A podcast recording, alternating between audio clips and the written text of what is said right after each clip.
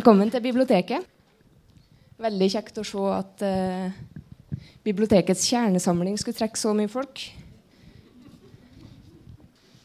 Mitt navn er Mari Stokkebakken. Jeg har hatt gleden av å, å, lede et prosjekt som vi har kalt for Til kjernen, som har pågått nå i et par år. Som dere kanskje er klar over, så har biblioteket denne våren eh, lansert sin egen eh, kjernesamling. Et utvalg på 100 bøker nøyaktig som vi spesielt vil anbefale våre lånere å lese.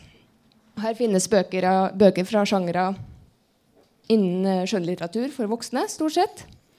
Og store kanoniske verker står side om side med det vi syns er det beste innen f.eks tegneserier og krim og fabelprosa. Så Hvis dere ikke allerede har gjort det, så kan dere ta en kikk på utstillingshylla nede i første etasje. Der er det en del av bøkene som står utstilt, dvs. Si dem som ikke er utlånt akkurat nå.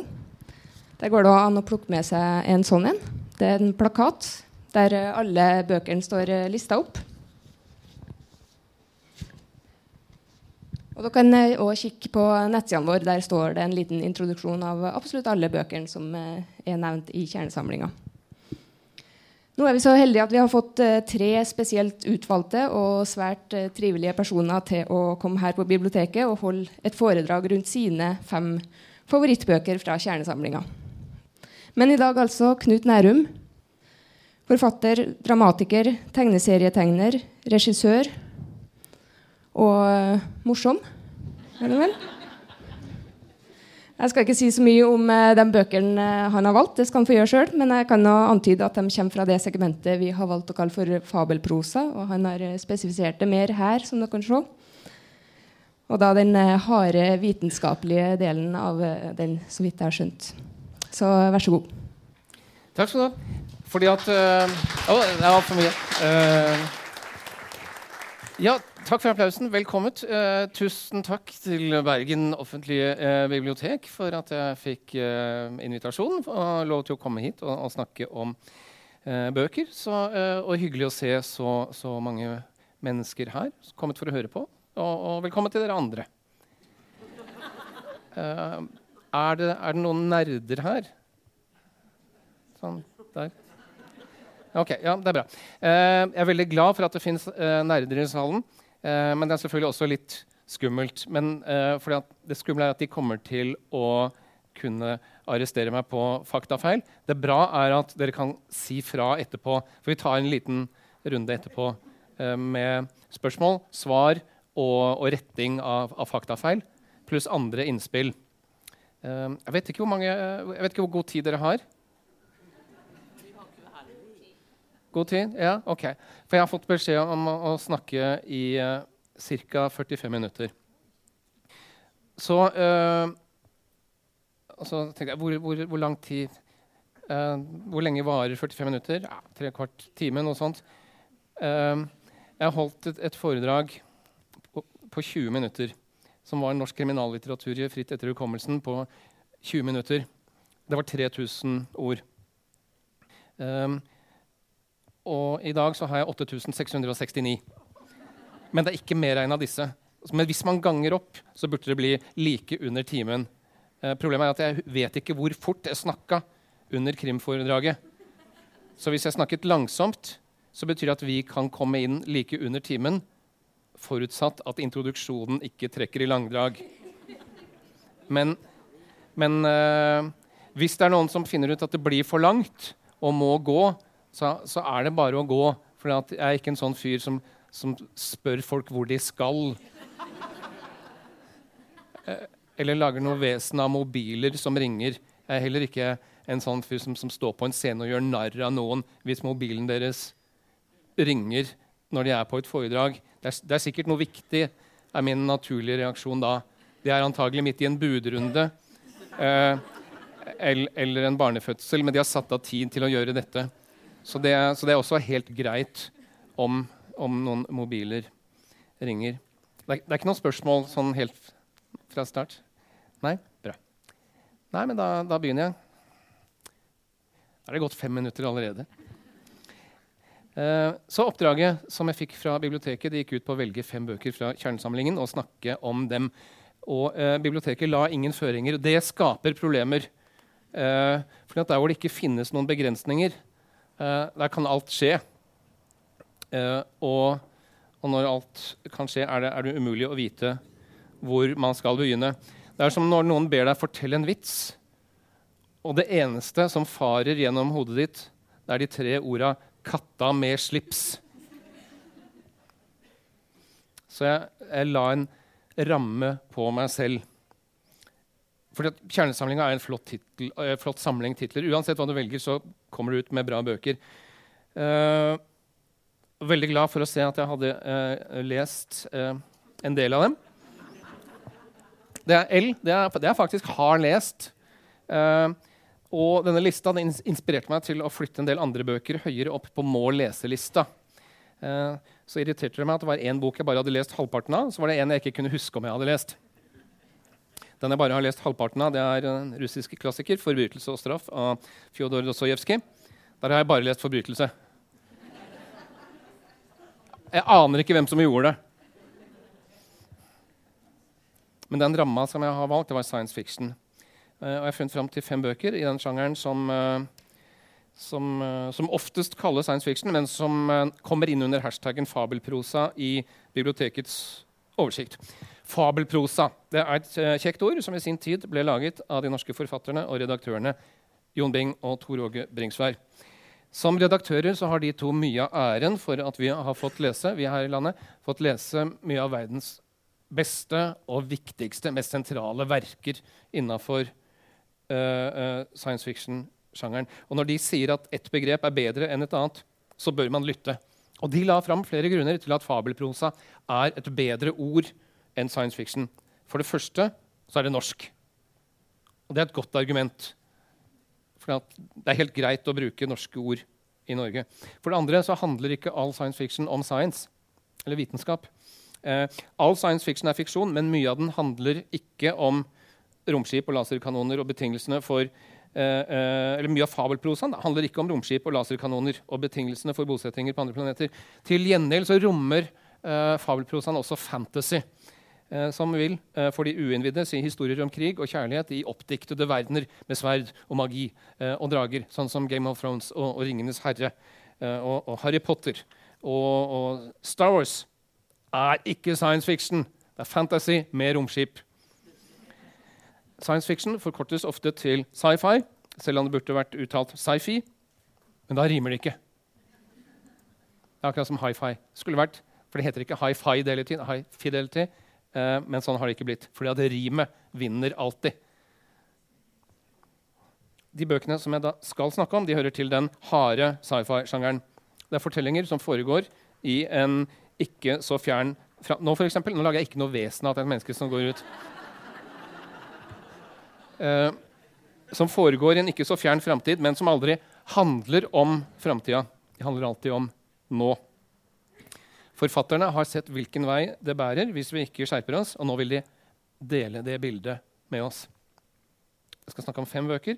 To av dem er fra 1800-tallet, to fra 1900-tallet og én fra 2000-tallet.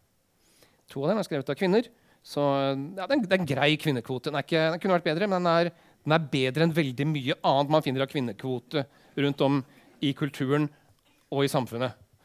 Uh, alle er opprinnelig skrevet på engelsk. Fire av dem er dystopier av det greske dys, som betyr ugrei, og, og uh, topos, som betyr sted.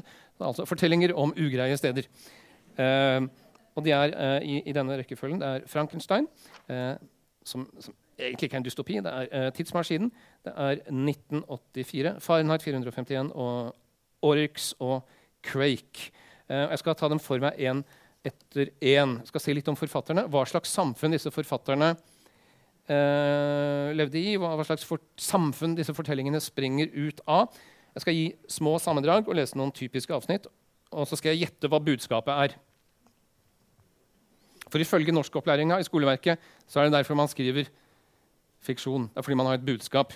Man har noe viktig på hjertet som bare kan uttrykkes ved å skrive mange hundre sider hvor man gjør det man egentlig hadde på hjertet, så vagt som mulig. Sånn at skoleelever må, må ty til analyse for å finne ut hva forfatteren egentlig ville. Dette er hvordan fiksjon fungerer. Jeg skal se på hvor rett disse bøkene fikk. Dvs. Si hvor dårlig de fungerte. Siden folk som leste dem da de kom, ikke så tegninga, men fortsatte som før. Og litt om hvilke spor hver bok har satt etter seg. Hvordan, uh, hvordan de har påvirka tanker og språk og andre fortellinger som er laget seinere. Uh, Frankenstein her med uh, Boris Karloff på, på forsida. bildet fra 'Son of Frankenstein', den tredje og, av hans filmer som monstre. Og, og slett ikke så gæren.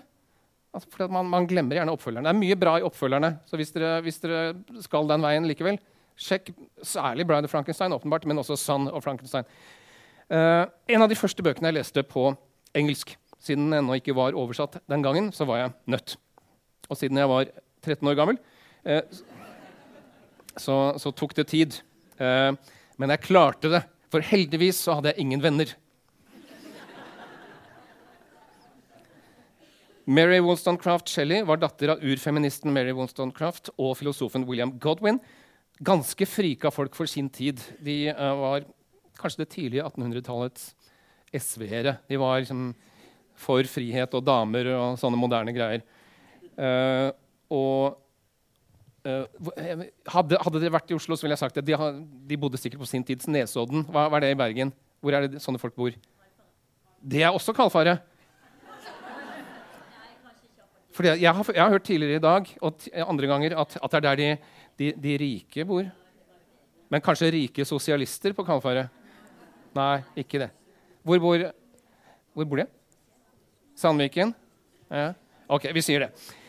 Uh, og Mary var gift med den uh, romantiske og revolusjonære poeten Percy Shelley. Uh, så vi har å gjøre med et miljø av opposisjon, av opprør og av store tanker. Da Mary Shelley begynte å skrive denne boka, så var hun 18 år gammel. Frankenstein boka, har en av litteraturhistoriens mest kjente tilblivelseshistorier. Eh, det er ikke så mange bøker vi vet akkurat hvor kommer fra. De fleste har bare blitt til ved at eh, et eller annet vesen satt og tenkte litt og noterte litt, og så ble det en bok av det sånn på lang sikt. Eh, men Frankenstein eh, for Hvis man veit noe om romanen Frankenstein, utover handlingen, så er det hvordan den ble til. Eh, og det begynte ved Genévesjøen i Sveits, i ferieutleieboligen Villa Diodati sommeren 1816. Den sommeren det bare regnet. Og de som bodde der, var der på ferie. Disse britene de hadde ikke annet å gjøre enn å fortelle hverandre spøkelseshistorier.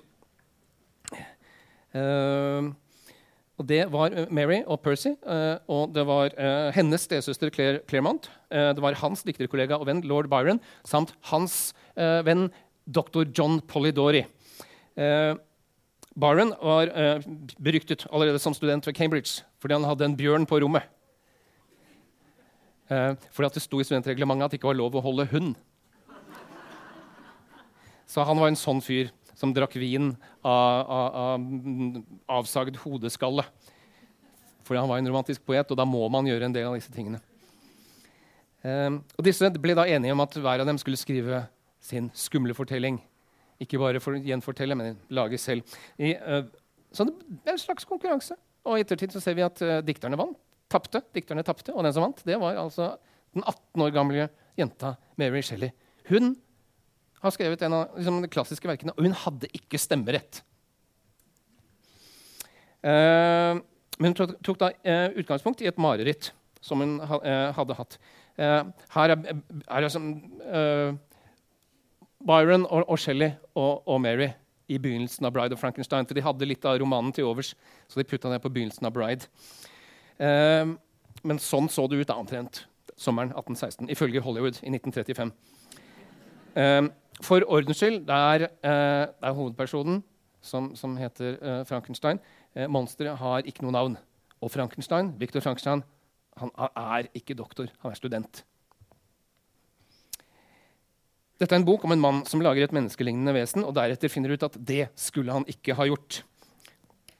Tanken om at mennesket kan gjøre det som har vært forbeholdt Gud, og da holder jeg alminnelig forplantning utenfor, eh, det var utbredt i den tidlige fasen av den industrielle revolusjonen. Menneskene begynte å legge jorda under seg forstå reglene for hvordan den fysiske verden virker og opptrer. De begynte å ta disse reglene i bruk for å lage de tingene som vi trengte. London her eh, fra 1816.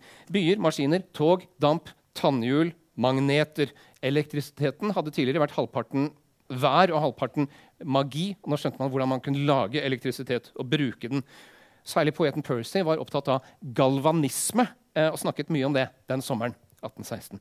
Eh, kort fortalt, Den italienske forskeren Luigi Galvani hadde oppdaget at hvis du setter strøm på beina til en død frosk, så spreller den. Dette kan alle gjøre hjemme. Så livet er ikke hellig. Det kommer ikke fra Gud. Det drives av prinsipper som menneskene kan forstå og selv ta i bruk. Og da skal det selvfølgelig også være mulig å lage seg et monster.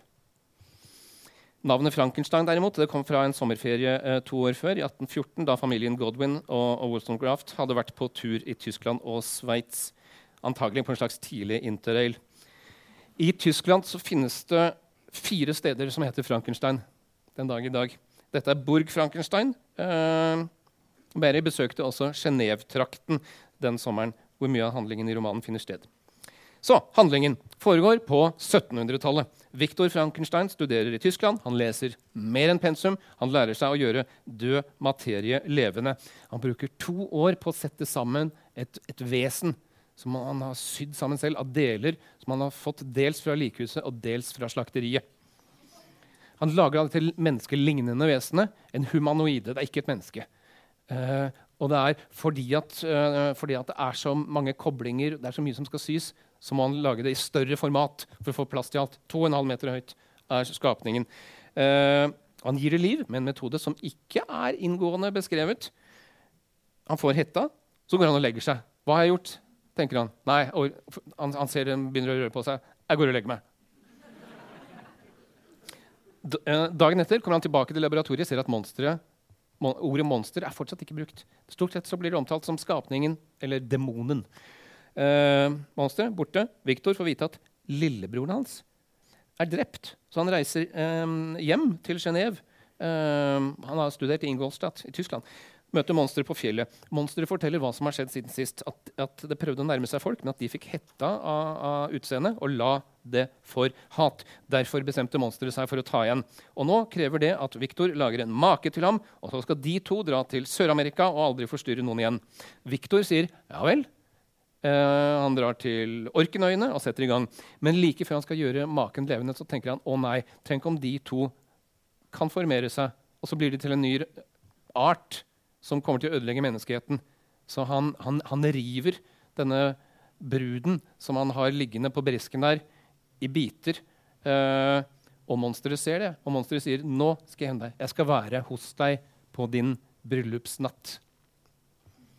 Eh, mye hevn.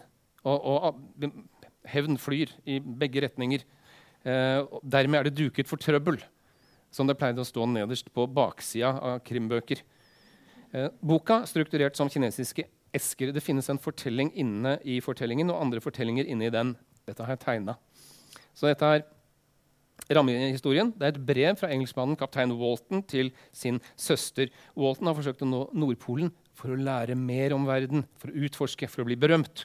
Underveis i isen så oppdager han eh, en kjempe som uh, kjører en hundeslede over isen skuta har satt seg fast i isen.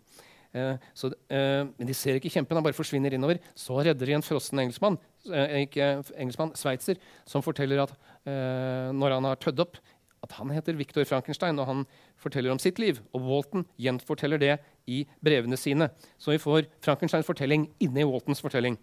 Frankenstein forteller at han har laget et monster, at det gikk litt skeis, og hvordan han senere møtte monsteret, som så fortalte Frankenstein hvordan det har vært å være monster. Og inni monsterets fortelling så får vi hele den spennende beretningen monstre, som monsteret har overhørt i en hytte hvor han gjemte seg lenge. Og den Historien handler om den franske adelsmannen Felix og hans, uh, Felix, Felix, og hans kjære Safi, den vakre datteren av en kjip tyrker. Så fortellinger inni fortellinger, sånn som vi kjenner det f.eks. fra 1001 natt. Uh, jeg skal lese fra romanen 'Fra skapelsen', som er identisk med Marys mareritt. Den drømmen hun hadde hatt i virkeligheten. Eh, det punktet som hele historien er bygget rundt. Eh, oversatt av Kjetil Korslund. Det var en trist kveld i november jeg nådde målet for alle mine anstrengelser. Med en angst som nærmet seg det smertefulle, samlet jeg livets instrumenter rundt meg, slik at jeg kunne få en gnist inn i det livløse som lå foran meg. Klokken var allerede ett om natten. Regnet slo dystert mot vindusrutene, og lyset mitt var nesten brent ned da jeg så det matte, gule øyet til skapningen åpne seg i skimmeret fra det nesten slukkede lyset. Den pustet tungt, og en krampetrekning satte kroppsdelene i bevegelse. Det romanen Frankenstein forteller oss, er at hvis vi tukler med skaperverket, så går det oss ille. Og dette er moralen i alle skrekkfortellinger. Må ikke tukle med skaperverket. Ikke tukle med noe som helst. Må ikke lese forbannelsen høyt. Dere må ikke gå hver for dere ned i kjelleren og lete etter morderen. Aldri ta av seg klærne og gå ned i kjelleren. Derfor er skrekkfortellingen den mest moraliserende av alle fortellerfortellinger fortellersjangre vi har. Det er ingen andre sjangre som er så tydelige på hvordan vi skal oppføre oss. Særlig hvordan vi ikke skal oppføre oss. Som jeg ikke visste, men som jeg veit nå, så eh, Jo, romanen den har jo undertittel, og det er 'Den moderne uh, Prometheus'. Prometheus. Jeg tror man sier Prome Prometheus på norsk. Ja, Teps kan man også si. Prometheus. Mm. Det er ikke bare fordi at de, som, som romerne da, som bare ikke hadde en ordentlig U, som man setter ved i stedet. For de var, de var litt, sånn, litt bokstavfattige, romerne. Uh, ok, Prometheus. Uh, men som jeg ikke visste, men som jeg vet nå, så finnes det to Prometheus. Uh, en i den greske mytologien og en i den romerske. Men begge setter seg opp mot gudene og dermed mot tingene som de skal være. Og de får gjennomgå for det. Et påfallende trekk med boka er hvor mye plass den gir til anger sammenlignet med nysgjerrigheten som i utgangspunktet er den unge Frankensteins drivkraft. For han slutter å være interessert. Forfatteren er, er heller ikke interessert i uh, hvorfor Frankenstein bygger et menneske. Han, han, bare gjør det. Og det er ikke fordi han er ensom og trenger en venn. Det er ikke fordi ingen har lyst til å ligge med ham. Det er ikke for å ta patent på kunstig grokjøtt og bli styrtrik på medisinske nyvinninger. Han er bare nysgjerrig på, på livet, på hva livet består av, hvilke prinsipper det er som kan lage liv, og som kan drive dette livet. Og det kunne gått bra hvis Viktor hadde laget et penere monster. Monsteret blir behandlet dårlig fordi det er stygt.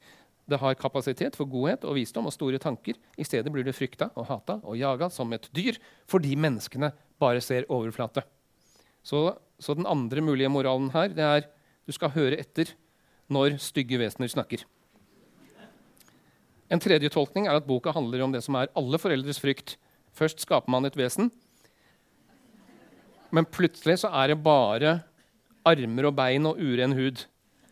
Og verst av alt, denne skapningen gjør ikke som du sier. Boka var en tidlig advarsel mot den situasjonen vi er i nå, hvor noen av klodens smarteste mennesker er oppriktig bekymra for at vi kan komme til den såkalte singulariteten. Altså det punktet hvor datamaskinene blir så smarte at de tenker uten vår hjelp, og at de rotter seg sammen fordi, og finner ut at nei, vi trenger ikke mennesker lenger. Vi kan gjøre vår egen greie. Senere har eh, selveste Stephen King kalt romanen et banebrytende verk med én feil. Og det er at den er uklar. Hva er det egentlig som er moralen her? Er det at Victor tukler med skaperverket, eller er det at han ikke tar ansvar for den skapningen som han selv har laget?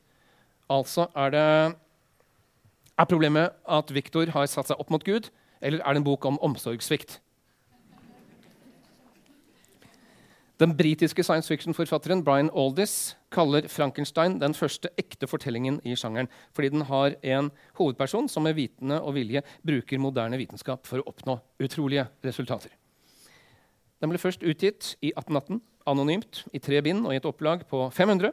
Anmeldelsene var blanda. Noen skrev at historien var godt funnet på, mens The Quarterly Review kalte boka en vev av fryktelige og kvalmende absurditeter. Andre var mest opptatt av hvem forfatteren kunne være. Eh, og da det viste seg at hun var en kvinne, så var det selvfølgelig også suspekt. Ikke bare at en kvinne skrev, men at hun skulle skrive noe sånt som dette. Sommeren 1974 så var dette en bok som man kunne gå inn og kjøpe i en ny pocketutgivelse i en uh, alminnelig bokhandel i en liten by på sørkysten av England hvis man for var på språkreise der. Men den kom ikke på norsk før i 1976. Og først i 2005 så kom den første oversettelsen av uh, 1818-utgaven. Uh, historien har blitt filmet mange ganger. Det tok litt tid før monsteret fant sin endelige form. Eh, mest kjente filmatiseringen er fortsatt den fra 1931 med Boris Karloff som monsteret. Handlingen i den filmen har trygg avstand fra denne boka, men noe er felles. Begge handler om en vitenskapsmann som lager et menneske av deler av lik. Denne skapningen blir et monster fordi folk er teite. Vitenskapsmannen angrer på det han har gjort, forsøker å ødelegge sin egen skapning. Senere så har det kommet mange filmer, eh, og de, de fleste av dem har tatt god avstand fra boka. Jeg vet ikke om dere kan se dette her, men, men istedenfor søm så er det glidelås i halsen. Dette er fra Frankenstein jr., Mel Brooks-filmen. Eh, veldig morsom film. Eh, Kenneth Branagh lagde en versjon i 1994 som går for å være den mest eh, trofaste, med seg selv i bar overkropp og med Eh, Robert De Niro som monsteret, det er ikke finsøm. Uh, og, og nå, nå, blir det veldig mye monstre framover i tida. For etter et par mislykka forsøk på å sette i gang liksom, en sånn uh, Gi dette monsteruniverset fra Universal Studios som, som kom opp på 1930-tallet, uh, og gi det en ny, ny start, så Ja, nå, nå prøver de igjen. og nå ser det ut som det er Frankensteins monster uh, er en del av det. I juni så kommer den første, 'The Mummy'. En, traileren er ute.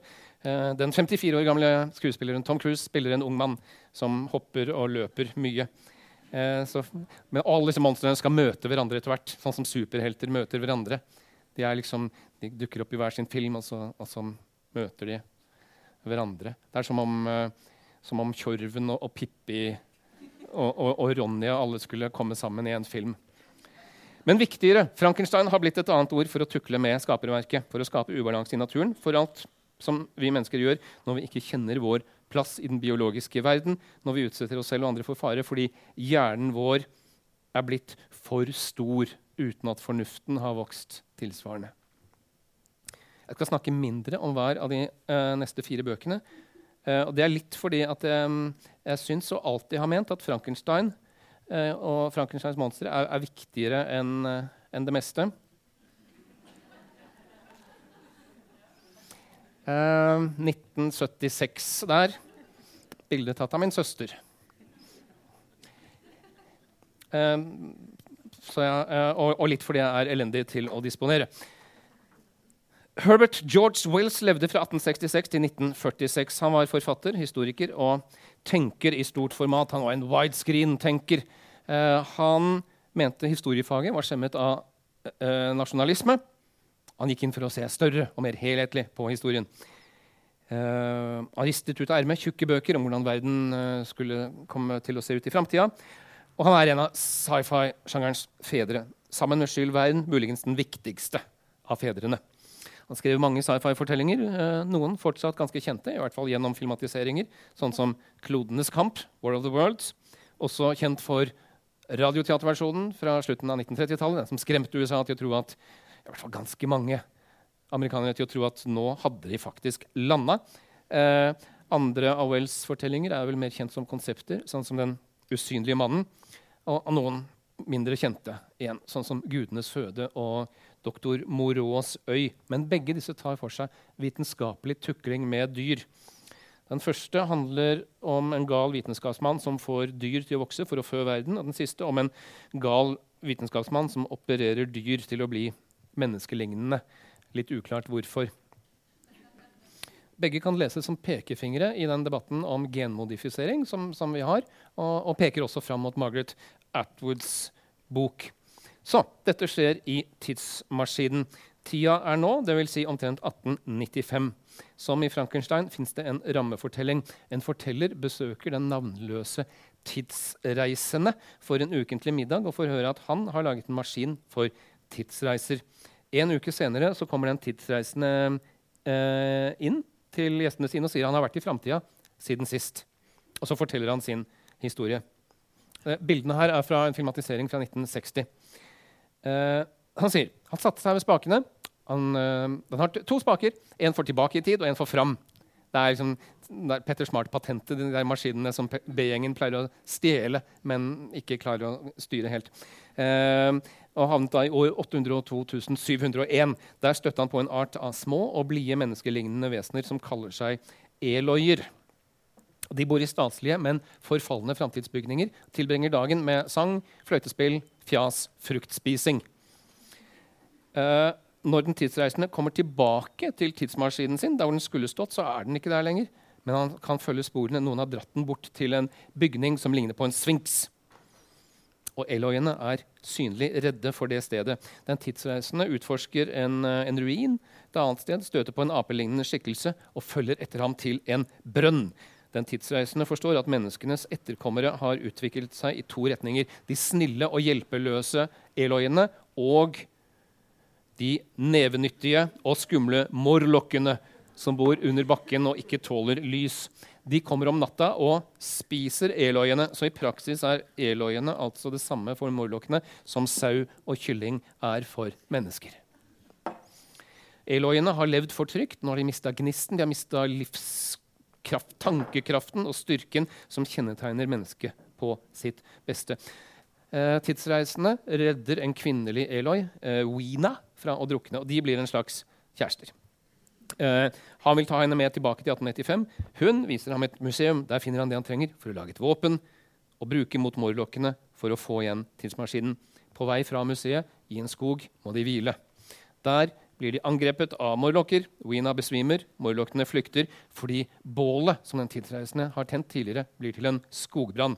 Wina og morlokkene går med i brannen. Andre morlokker åpner sfinksen for å lokke den tidsreisende dit. Han øh, overvinner dem, setter seg i maskinen. Øh, bommer antagelig litt på spaken, for han reiser 30 millioner år fram i tid. Der han ser alt liv dø ut før han kommer seg tilbake til 1895 og middagsgjestene sine. Uh, og siden han viser fram blomstene fra Wina, så tror alle på alt han sier. For folk uh, var ikke så skeptiske i 1895. Har du blomster? Ok, da har det vært 800 000 år inn i framtida. Den opprinnelige rammefortelleren overtar og skriver at den tidsreisende la ut på en ny tur, men i skrivende stund, tre år seinere, har han fortsatt ikke kommet tilbake. I likhet med Frankenstein og alle andre science fiction-fortellinger så er dette en advarsel mot de mulige følgene av den siste utviklinga. Igjen så handler det om det industrielle samfunnet, men mye har skjedd i de 80 åra som er gått siden Frankenstein. Byene har vokst. De forhutlende massene jobber på fabrikk. Arbeiderbevegelsen har oppstått. Og, og det fins en bevissthet om det klassedelte samfunnet. Det er det Well skriver om. Han advarer. Hvis man behandler arbeiderne som slemme apetroll og aldri lar dem se dagens lys, men holder dem innestengt i murbygninger uten vinduer, klemmer dem sammen i usunne slumstrøk, da kommer de til å ende som slemme og lyssky apetroll. Romanen rommer en indirekte advarsel. Verden hadde utarta til ekstrem apartheid uansett, men det eneste den tidsreisende oppnår, det er å bli forelsket i Wina, som ikke hadde dødd hvis han hadde blitt i sin egen tid. Det har han fått til. Og så har han starta en skogbrann. Han kan ikke styre ilden, og da kan han neppe styre tiden. Tidsmaskinen tar forholdsvis lett på det tekniske aspektet ved å reise i tid. Eh, to spaker, én fram, én tilbake. Veldig enkelt grensebrukersnitt. Brukergrensesnitt. Men, eh, men, det er nok en svakhet at man ikke kan se på et lite display hvor langt man har reist. Jeg hadde, jeg hadde bedt om det. Jeg hadde lagt et par tusen til på bordet for å få det, den utgaven. Til å være en så kjent bok så har den ikke vært lett å få tak i. Den kom ut på norsk første gang i 1974 i den utmerkede Lanterneserien, hvor Bing og Bringsvær som vi har sett bilde av, var rådgivere. Mitt lokale bibliotek hadde den ikke. Hovedbiblioteket i Oslo har et eksemplar, men de visste ikke hvor det var. Eller hvordan de skulle finne det. Bergen hadde et. Prøvde å sende det til meg. Eh, men litt, litt tungrådde systemer. Så, så, mitt råd er hvis man skal ha en bok eh, fra Bergen offentlige bibliotek, og de har mange, så er det en fordel å være i Bergen. Uh, så Derfor så måtte jeg lenge klare meg med illustrerte klassikere. Tegneserieutgaven.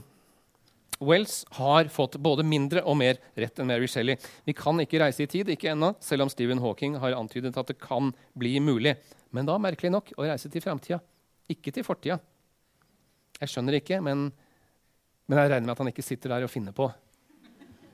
Uh, det kan hende at, at, vi ikke kan reise til, til fortida, for, for, der er ikke uh, tidsmaskinen funnet opp ennå. Det kan være det. Det gir en slags mening.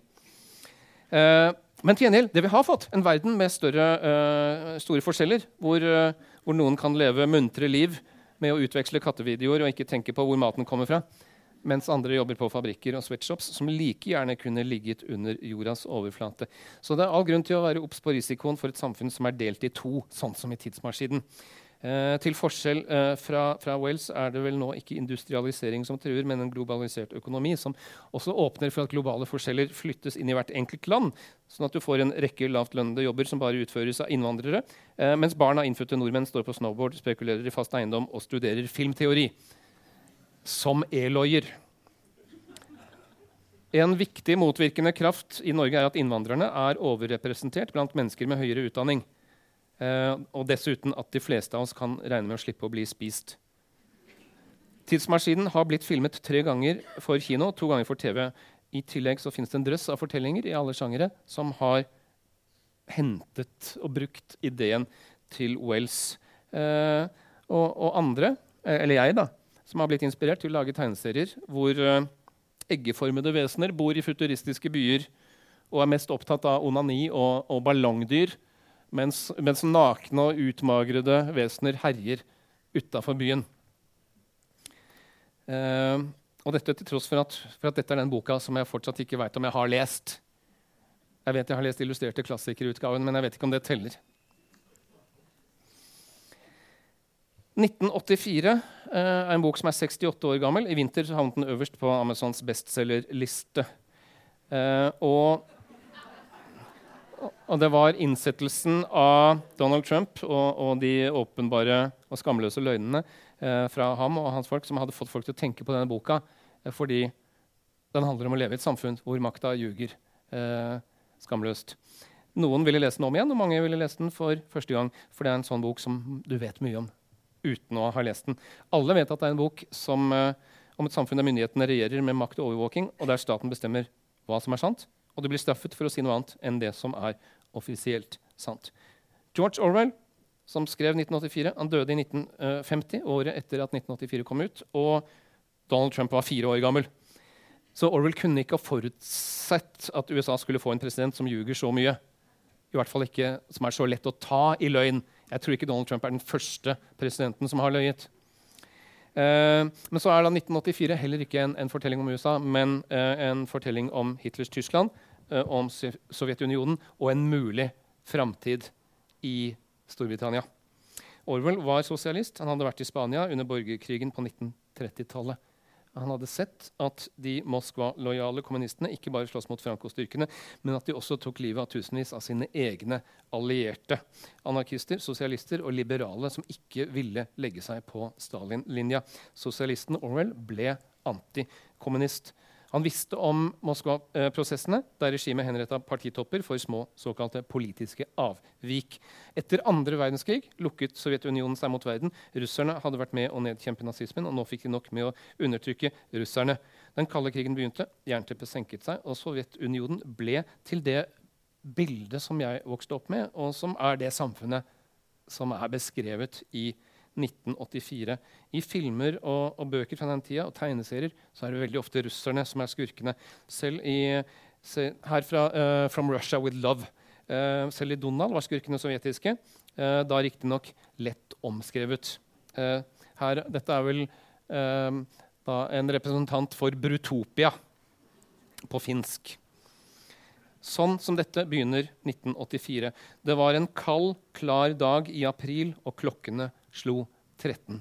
Så det er som begynnelsen av en spøkelseshistorie, for at klokkene skal ikke slå 13. Når de gjør det, så vet du at noe er feil. I 1984 er verden delt mellom tre store stater. Oceania, Eurasia og East Asia. De slåss mot hverandre om den siste fjerdeparten av verden. Hovedpersonen Winston Smith bor i byen som før het London, i det som før het Storbritannia, men som nå heter Luftområde 1, Airstrip 1, eh, i kjempestaten Oceania som også består av Amerika og det sørlige Afrika. Her ser vi uh, John Hurt i, i, rollen. Dette og de følgende bildene er fra filmen som ble laget av i alle år 1984. Luftområde 1 det er grått og trist. Folk bor trangt og fryser. Det er lite vann, det er lite strøm. Det lukter kål. Folk har bare dårlig gin å trøste seg med. Alt er generelt veldig sovjetisk. På alle vegger henger plakater med Newspeak, nytale, som forteller at krig er fred, frihet er slaveri, og uvitenhet her er styrke. Eh, og Storebror ser deg fra teleskjermen der du bor. Det finnes kameraer og mikrofoner som overvåker deg overalt. Winston jobber som funksjonær i Sannhetsministeriet, der historien stadig blir justert. Mennesker blir klippet ut av gamle bilder hvis, hvis uh, den øverste makta ikke syns at de bør finnes lenger eller noensinne har eksistert. Leksikon blir skrevet om for at ingen skal tvile på partiet. Winstons problem er at han fortsatt husker hvordan ting var. Han kommer i kontakt med motstandsbevegelsen, han blir forelsket i sin unge kollega Julia, og han kommer på godfot med O'Brien, som er høyt på strå i det indre partiet og gir seg ut for å tilhøre den hemmelige motstandsbevegelsen. Winston er så uforsiktig å stole på ham og havner dermed etter hvert på det beryktede rom 101. Eh, jeg skal ikke gå i detalj om hva som foregår der. Bare nøye meg med å si at dette ikke er en bok som passer for folk med fobi mot rotter. Uh, og det er her O'Brien stiller det berømte spørsmålet. Uh, jeg leser fra boka. O'Brien løftet sin venstre hånd med baken mot Winston. Han skjulte tommelen og sprikte med de fire andre fingrene. Hvor mange fingre ser du her, Winston? Fire. Og hvis partiet sier at det ikke er fire, men fem, hvor mange er det da? Fire, sier Winston, og får kjørt strømmet i seg. O'Brien forteller at Oceania har henta sine metoder fra både nazistene og kommunistene. Det står rett ut i boka. Og, Han forteller hvorfor makt er det eneste som betyr noe for partiet. Det blir ingen kjærlighet uten kjærlighet til storebror. Ingen latter, ingen kunst, litteratur eller vitenskap. Bare den berusende følelsen av å trampe på en fiende som er hjelpeløs. Eh, sitat igjen. Dette er kanskje noe av det mest kjente fra boka. Hvis du vil danne deg et bilde av fremtiden, så forestill deg en støvlehæl som tramper på et menneskeansikt for evig. Eh, og Det kan si mye stygt om Donald Trump, men han er ikke der ennå. I så fall så holder han det for seg selv. USA er nok ikke det landet i verden som ligner mest på Oceania. Hvorfor heter hovedpersonen Winston Smith? Hvorfor har han fornavnet til britenes mest heroiske statsminister? Han som sa alle de riktige tingene eh, og fikk britene til å holde hodet eh, høyt, selv når de måtte overnatte på undergrunnen. Eh, og den engelsktalende verdens aller vanligste etternavn. Det er nok for å si at Winston er begge deler. Han er en helt, men han er også en veldig vanlig mann. For det er en historie om en vanlig mann som blir til en helt, eh, og som taper. Og så ender han som en knust, vanlig mann. Boka slutter ikke med knyttneven i været eh, og, og, med et woohoo. Eh, den slutter sånn som dette, hvor Winston stirrer på en plakat av storebror. Han stirret på det enorme ansiktet. Det hadde tatt ham 40 år å lære hva slags smil som skjulte seg bak den mørke barten, og grusomme, unødvendige misforståelse, og halstarrige, uforskyldte flukt fra det elskende bryst. To gin-duftende tårer trillet nedover sidene av nesen hans. Men alt var i orden nå. Kampen var ført til ende. Han hadde seiret over seg selv. Han elsket storebror. Barten kan bety både Hitler og Stalin, og gjør antagelig det. Vi trenger ikke lure på hva som er budskapet i boka, for det har Orwell selv fortalt oss. Sju måneder før han døde. Min nyutkomne roman 1984 er ikke ment som et angrep på sosialisme eller det britiske Arbeiderpartiet, som jeg er tilhenger av, men fremvisning av de perversjon, perversjoner som allerede har blitt til virkelighet i kommunisme og fascisme. Scenarioet som boken lagt, er lagt til, er Storbritannia for å understreke at de engelskspråklige raser fra naturens side ikke er bedre enn andre, og at totalitarisme, hvis den ikke bekjempes, kan triumfere overalt. Akkurat som Frankenstein er blitt et annet ord for tukling med naturen, er 1984 og storebror blitt andre ord for overvåking og offentlig maktmisbruk. Uh, newspeak, uh, nytale, er blitt et begrep som mange har brukt i det siste, særlig takket være Trump og hans uh, talsperson Kellyanne Conway, som lanserte begrepet alternative fakta. Så det går an å si at Orwell fikk rett om Øst-Europa, men at han tok feil om Vesten, siden vi ikke fikk noen storebror. Eller kanskje boka virket. Kanskje vi tok den advarselen. I stedet så fikk vi datamaskiner og smarttelefoner. Eh, vi lar oss overvåke, og vi forteller hvor vi til enhver tid er, og hva vi liker. Eh, jeg skal lese noe kritikeren Aksel Kielland skrev i Morgenbladet 17.3. Det er ganske kompakt, så lytt fort. Det er uh, som om den teknologiske utviklingen har løpt fra dystopiene og etterlatt Vesten uten forståelsesmodeller som lar oss begripe den virkeligheten vi i dag er en del av. George Orwells 1984 ga oss et nyttig verktøy i form av en skildring av absolutt overvåkning ned til et språklig nivå, men hans autoritære marerittvisjon tilbyr ingen løsninger som er egnet til å hanskes med dagens hyperkomfortable kapitalisme. Som samfunn er vi kondisjonert til å være på vakt mot regimer som krever lydighet av befolkningen. Men når det kommer til systemer som bygger på forestillingen om et fritt marked som adlyder folket, er ryggmargsrefleksene langt mindre skjerpede. Eh, med andre ord, Vi har bedt om smarttelefoner, og derfor protesterer vi ikke mot å bli overvåket på dem. Tidligere i mars så kom nyheten om at Samsung TV-er eh, som er kobla til nettet, også kan overføre lyd fra stua di til skumle byråer med navn på tre bokstaver. Så det var sant. De mest paranoide fikk rett der. David Bowie var opptatt av autoritære stater og sang mye om det. På et tidspunkt så ønsket han å lage en musikal om 1984, men fikk nei av Orwells enke. Uh, I stedet så gikk uh, en del av disse sangene som han hadde tenkt til musikalen, inn i albumet Diamond Dogs, inkludert sangen 1984 utgitt på singel i 1974. For ingen har copyright på årstall. Dolly de Luxe lagde sin egen 1984 og kom på sjetteplass i den norske Melodi Grand Prix-finalen i 1981. Det er det ingen som trenger å vite. Filmen kom i 1984 og står eh, antagelig ikke høyt oppe på lista over folks favorittfilmer fra 80-tallet. Den er ikke noen tilbake til fremtiden, akkurat. Eh, men Orwell har satt sitt preg på framtida. Alle dystre fremtider i bøker og på film ligner på den som han dikta opp. Om det nå er Brasil eller The Matrix eller Hunger Games. De som tok 1984 mest bokstavelig, det var det nederlandske produksjonsselskapet Endemol, som i 1999 lanserte reality-serien Big Brother. Der deltakerne ble stengt inne i ei brakke og overvåket i alle rom, inkludert senga og dusjen. Så det som var et onde i boka, ble 50 år seinere til forlystelse for seerne. Uh, vi ble da presumptivt underholdt av å være med å overvåke mennesker som lever isolert med bare sprit og tafsing som tidsfordriv. Litt skuffende var det selvfølgelig at det mest interessante vi fikk se, var samleie under dyne. Eh, mye styr for lite, spør dere meg. Men nok om sprit og tafsing. Den fjerde og nest siste boka er uh, Fahrenheit 451, utgitt i 1953. skrevet av Ray Bradbury. Og selv blant de som ikke aner hvem han er, så er det mange som husker ham likevel. Fordi han var på TV eh, på slutten av 80-tallet på NRK eh, også, eh, i en serie på sånne halvtimes eh, litt mm, snåle fortellinger. Dramatiseringer av hans, og, av, hans noveller. Eh, og han satt ved en skrivemaskin som, hvor, som arkene flagret ut av. Og du vet at når du sitter på en TV-skjerm sånn på en sein lørdagskveld eksempel, på NRK, da, da, er du ikke Da har du tatt spranget ut av en smal og, og, og nerdete sjanger. Da har du blitt en del av hovedstrømmen. Bradbury han eh, levde fra 1920 helt til 2012. og Da han døde, sendte president Obama ut en erklæring hvor det sto hans fortellerevner omformet vår kultur og gjorde vår verden større. Bradbury han var så produktiv at selv Internett har mista oversikten.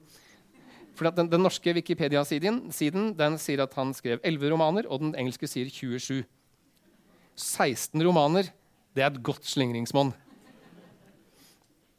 Den aller første av dem eh, heter 'Krøniker fra Mars'. Det er strengt tatt ikke en roman, men en samling noveller bundet sammen med en tråd. Han skrev 600 eh, noveller. Eh, flotte tekster, men han er nok mest kjent for eh, Fahrenheit 451. 1953, eh, skarve fire år etter 1984-boka, ikke årstallet. Så igjen så er det nok mange flere som kjenner begrepet enn det er som har lest boka. Tittelen er lik temperaturen hvor papir brenner, og er en fortelling om en nær framtid hvor bøker er blitt forbudt. Altså en tydelig likhet med 1984. Det statistiske eh, materialet jeg har for dette, er tynt, men likevel, jeg prøver en tese. Kanskje folk var bekymra for dette i midten av forrige århundre, og da særlig forfattere som lever av å bekymre seg for ting som ennå ikke har skjedd. Handlingen i korte trekk. Bilder fra filmatiseringen fra 1966. Eh, det er en gang etter 1960 i en by i USA. Skjønnlitteratur og figurativ kunst er forbudt fordi at sånt får folk til å tenke og huske og lengte. Og når folk tenker og husker og lengter, da blir de lei seg. Dokumentarer og fag og tegneserier og abstrakt kunst og halsløs bilkjøring er tillatt. Fotgjengere er fritt vilt. Og om natta så setter man plugger i ørene og drømmer elektroniske drømmer som kommer liksom seilende gjennom ledningen. Guy Montag jobber som brannmann. Det er han som står bakerst her. Eh, I dette samfunnet så betyr det at når brannvesenet får nyss om at noen har bøker i hjemmet sitt, så rykker brannvesenet ut og tenner på huset. Brenner bøkene og huset. Eh, offisielt så har brannvesenet aldri drevet med slukking. Så Guy eh, føler også en sånn O'Briensk glede ved makt. Han liker jobben sin. Offisielt eh, Hans kone Mildred er bare lykkelig når hun kan se interaktiv såpeopera på skjermene som dekker hele vegger. Hun forsøker å ta livet av seg, men overlever og husker ingenting. Eh, hun våkner uten hukommelse, som samfunnet. Og krigen kommer nærme. Eh, flyene går over byen hele tida. Guy møter den unge nabojenta Clarissa, som får ham til å lukte på rosene. Hun forteller at i hennes familie snakker de sammen. Guy kan ikke fatte at folk kan ha noe å snakke om. Eh, men han øh, oppdager en skyldfølelse hos seg selv. Han, øh, han, våkner opp. Han gjemmer unna bøker i det skjulte. Han oppsøker motstand, motstandsbevegelsen. Clarissa forsvinner, ingen vet hvor. Uh, Guy konfronterer sin kone og hennes overflatiske venninner med at de er overflatiske. Han blir avslørt, han må rømme til fots. Han blir forfulgt av en mekanisk hund med åtte bein. Han rister av seg alle sammen med indianertriks. Finner en gruppe intellektuelle som lever i skogen utenfor byene. Hver av dem har lært seg én bok utenat og kan fortelle dem. Det er et levende bibliotek der ute. Det finnes flere sånne grupper rundt om i skogene. Uh, Guy har også lest litt. Uh, de, de, har en teknikk som hjelper folk å huske. De er ikke, så, men du kan hente det fram med hypnose. Guy har lest Predikerens bok, så han blir det. Han blir Predikerens bok. Så i framtida hvis noen skal høre den, så må det gå til ham. Så vil han resitere hele. Eh, atombomber pulveriserer byen som han kom fra, men vi, vi skjønner likevel at kunsten den, den, skal overleve.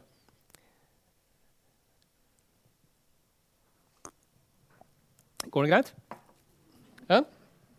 Er, det er, det er liksom, dette er den fjerde boka. Er litt igjen, skal, ja, skal jeg, jeg skal bare fortsette der jeg var? Jeg kan hoppe litt i den, men ok, følge planen. Uh, så jeg, jeg, skal lese et utdrag fra, fra tidlig i boka, hvor Mildred ønsker seg mer TV. Hun sier det kommer til å bli enda mer moro når vi får råd til å installere den fjerde veggen.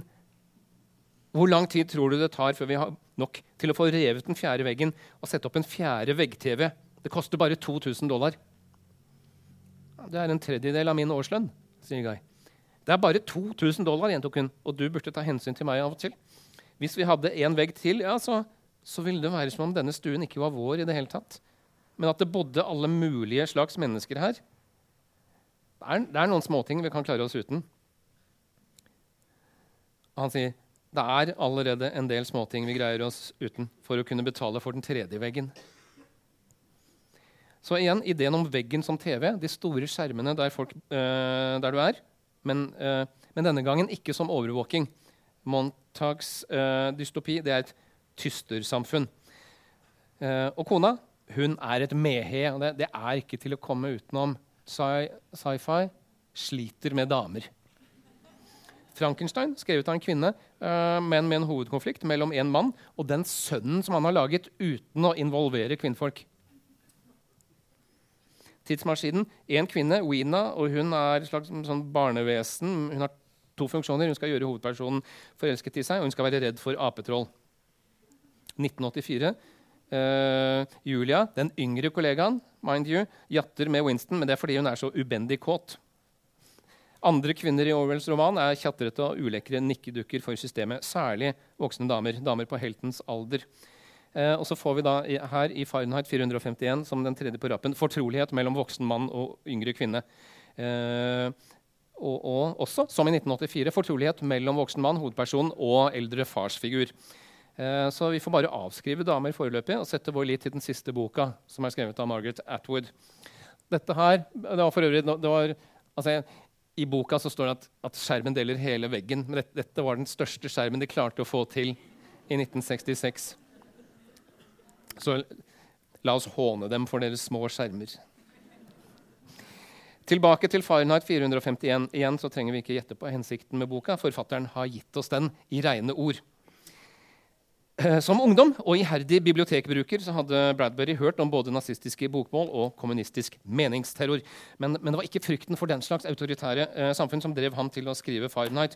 Han har oppgitt to forskjellige grunner. Eh, den første var politiske forhold i USA etter andre verdenskrig, altså McCarthyisme. Eh, der politikere og kunstnere som hadde støtta Sovjetunionen, eller sagt at de hadde sans for dette her med, med, med deling og, og, felles løsninger, eh, de ble henta inn til høring og utsatt for yrkesforbud. Bradburys egen opplevelse av, av, dette samme var litt mer prosaisk. Han var ute og gikk tur en kveld. Eh, og Så kom det en politimann og spurte hva, hva er det du driver med. Og Bradbury sa nei, jeg setter den ene foten foran den andre. Eh, og ha, dette gjorde stort inntrykk på forfatteren. Eh, for tenkte, hvorfor, hvorfor, skal han måtte svare for seg når han er ute og går en tur i et fritt land? Uh, så dette er hans første forklaring på hvorfor han skrev boka. Han ville advare mot at staten skulle bry seg med hva folk skriver og mener og gjør, og hvor de rusler på kvelden. Eh, men på slutten av 50-tallet så ombestemte han seg. Og da var boka blitt til en advarsel mot massemediene. Og da var det han skrev dette, som jeg har oversatt. Da jeg skrev kortromanen 'Fahrenheit 451', trodde jeg at jeg eh, beskrev en verden som var mulig i løpet av fire eller fem tiår. Men for bare noen uker siden, en kveld i Beverly Hills, gikk et ektepar forbi meg. De var ute og luftet hunden. Jeg stirret etter dem aldeles lamslått. Dette er altså slutten av 50-tallet. I hånden holdt kvinnen en liten radio på størrelse med en sigarettpakke med skjelvende antenne. Fra radioen løp tynne kobberledninger til en nett liten plugg som satt i hennes høyre øre.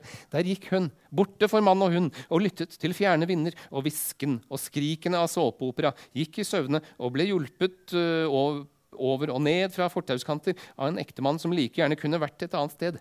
Dette var ikke diktning.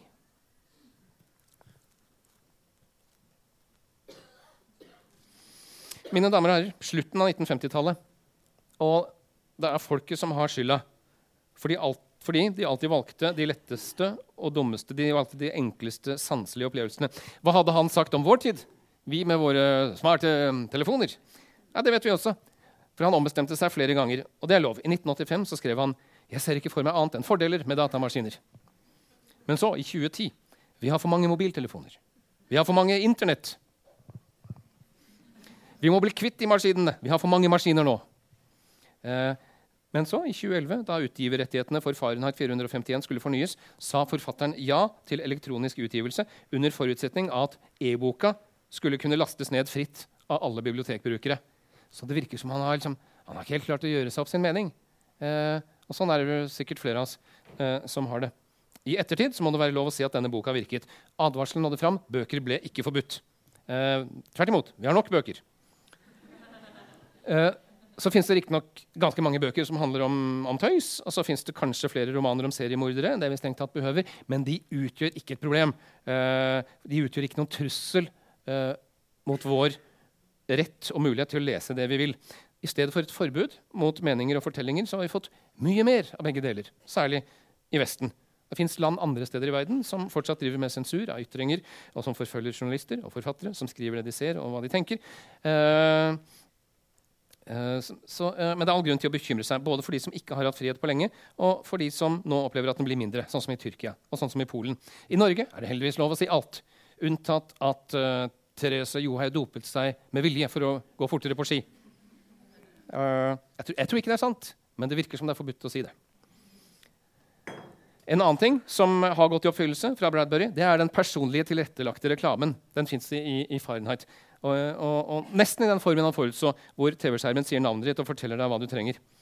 Bradbury sa selv at han ikke skrev science fiction, med ett unntak. og det var Fahrenheit 451. Science fiction mente han, det er en skildring av det virkelige, det som kan skje. Mens fantasy viser det uvirkelige, det som ikke kan skje. Som krøniker fra Mars, det kan ikke skje. Det er fantasy som myter, og myter har lang levetid. Så det vi ser her er at Forfatteren selv ikke nødvendigvis er den beste til å spå om sine egne bøker. Ifølge ham er det dermed også sånn at både Frankenstein og tidsmaskinen er fantasy. fantasy. Siden vi ikke kan lage kunstige mennesker eller reise i tid. Og Hvis vi lærer oss det, så blir det som tidligere har vært fantasy, det blir til science fiction. Da har virkeligheten flyttet på sjangergrensene. Og det er ikke noe problem for oss. For del av moroa med sjanger er å krangle om hvor sjangergrensene går. Haisommer, Er, er, det, er, det, en film om en hai, eller handler det egentlig om noe annet? Fahrenheit 451 den, den traff, den treffer ennå. Og når framtida blir beskrevet, så er det sånn den er blitt. Hvis man har vært borti en del science fiction, så vet man dette. I framtida blir det veldig lite boklesing, veldig lite papirbok. Eh, mange kommer til å ha som jobb å sitte og, og glo på, på, skjermer. Men de som leser bøker på papir i science fiction i framtida, de er enten millionærer, eller de er onde, eh, eller de er eh, eh einstøinger, eksentrikere.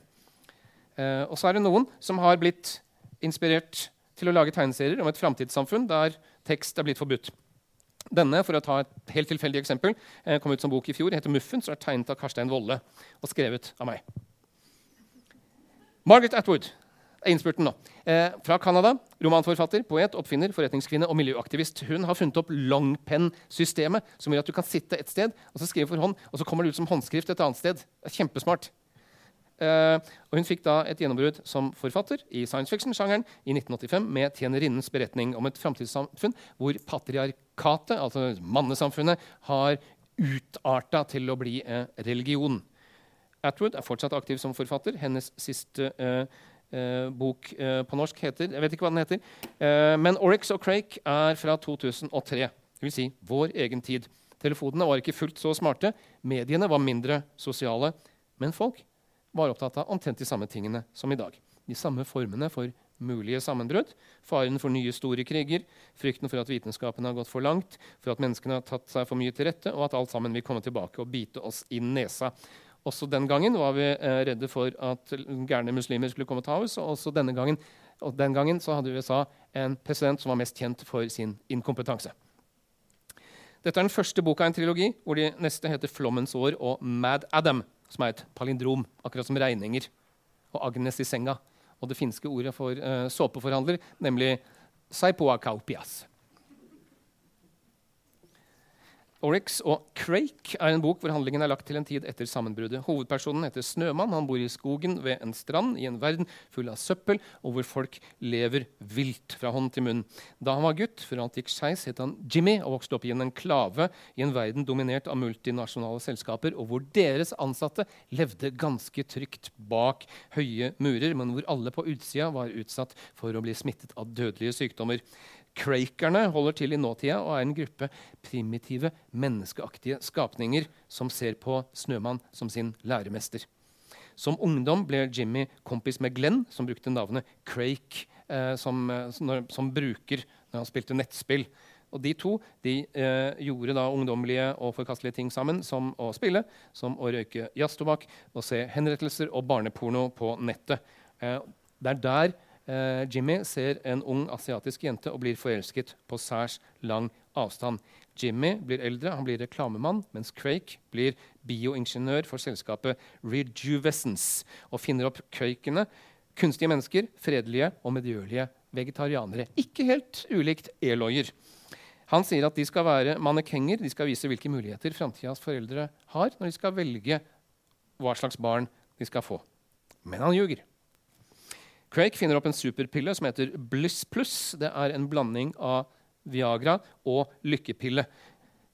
Jimmy oppdager den asiatiske jenta hos Craikerne. Craig har hyret henne inn som prostituert i seg selv og lærer for Craikerne. Jimmy gir henne navnet Oryx, uh, som egentlig er et antilope fra det sørlige Afrika. Og Crake i denne forbindelsen uh, har da ikke noe å gjøre med, med, med kraken, uh, the, the, Kraken, som vi kjenner fra mytologien og fra uh, sjørøverfilmene med Johnny Depp, men det kommer av en, en fugl som heter Crake. så hun, Oryx, skjønner at, at, Jimmy er glad i henne. Hun byr seg fram, men Jimmy holder forholdet hemmelig for Crake. Bliss Plus viser seg å ha vært en bløff. Det er en kjip plan for å ramme verden med en pandemi. Det meste av verdens befolkning utenfor Ridgevessens-området dør. Til slutt møtes Jimmy og Craig Oryx i et dramatisk oppgjør. og Det er kniver og det er revolvere. Og til slutt så er vi tilbake i nåtida hvor Jimmy er blitt til snømann og oppdager at det finnes flere mennesker som har overlevd. Margaret Atwood har tatt avstand fra å bli kalt science fiction-forfattere. Hun finner seg ikke i det. Eh, mer om det snart. Uh, denne boka, oppfølgerne, er ikke science fiction, sier hun. Det er speculative fiction. Altså ikke spekulativ fiksjon, som er kynisk skrevet for pengenes uh, uh, skyld, men spekulerende diktning. Fortellinger om mulige fremtider. Science fiction derimot, sa hun, det handler om snakkende blekkspruter i det ytre rom. Så hun dro på seg nerdenes vrede. Men, men, hun forklarte i grenseoppgangen sånn Science fiction handler om det vi ennå ikke er i stand til, men spekulativ fiksjon handler om det vi kan, det vi er i gang med. Så egentlig en forklaring som ligner veldig på den som Bradbury hadde noen år før. Uh, Craig er en vitenskapsmann. Han er en som uh, vil vel, men som går for langt. Han har bedre hensikter enn Viktor Frankenstein. Craig vil redde jorda ved å utrydde menneskene og erstatte dem med de fredelige krekerne. Enda en gang får vi en historie som tar for seg det store skillet mellom menneskene eller de menneskelignende vesenene som har det trygt på innsida, de som følger reglene, og de ville utenfor, de som står for det utemmede livet, som i tidsmaskinen, som i Fahrenheit 451, til og med i Frankenstein, hvor monsteret oppholder seg det meste av fortellingen eh, på fjellet og i isødet i Arktis. Så det er bare i 1984 at vi ikke ser noe reelt alternativ. At det ikke fins noe utenforskap som man kan gå til, som man kan være en del av.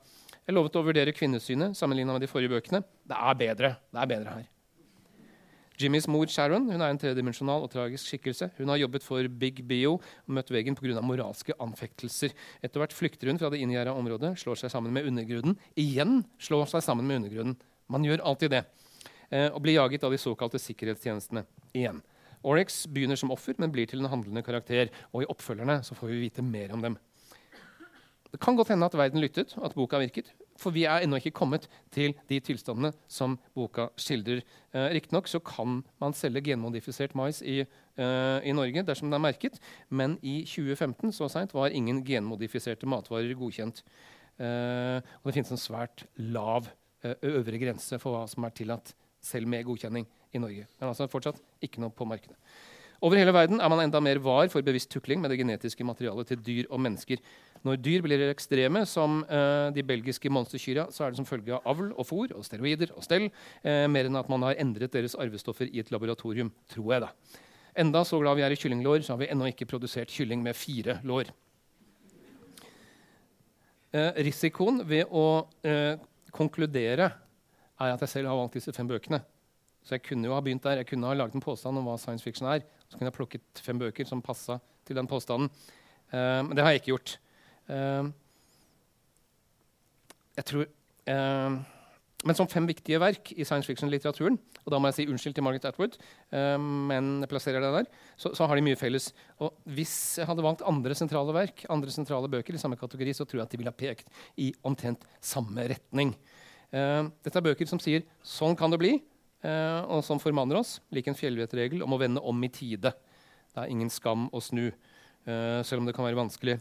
Med Atwoods ord hva om vi fortsetter i samme retning? Hvor skrått er det skråplanet? Hva er det som taler til vår fordel? Hvem er det som har viljen til å stanse oss? Uh, lar det henge. Uh, uh, vi skal, vi skal, ha spørsmål, men jeg tror jeg, jeg, jeg bukker og så ser jeg hva som skjer først. Så tar vi spørsmål etterpå. Så.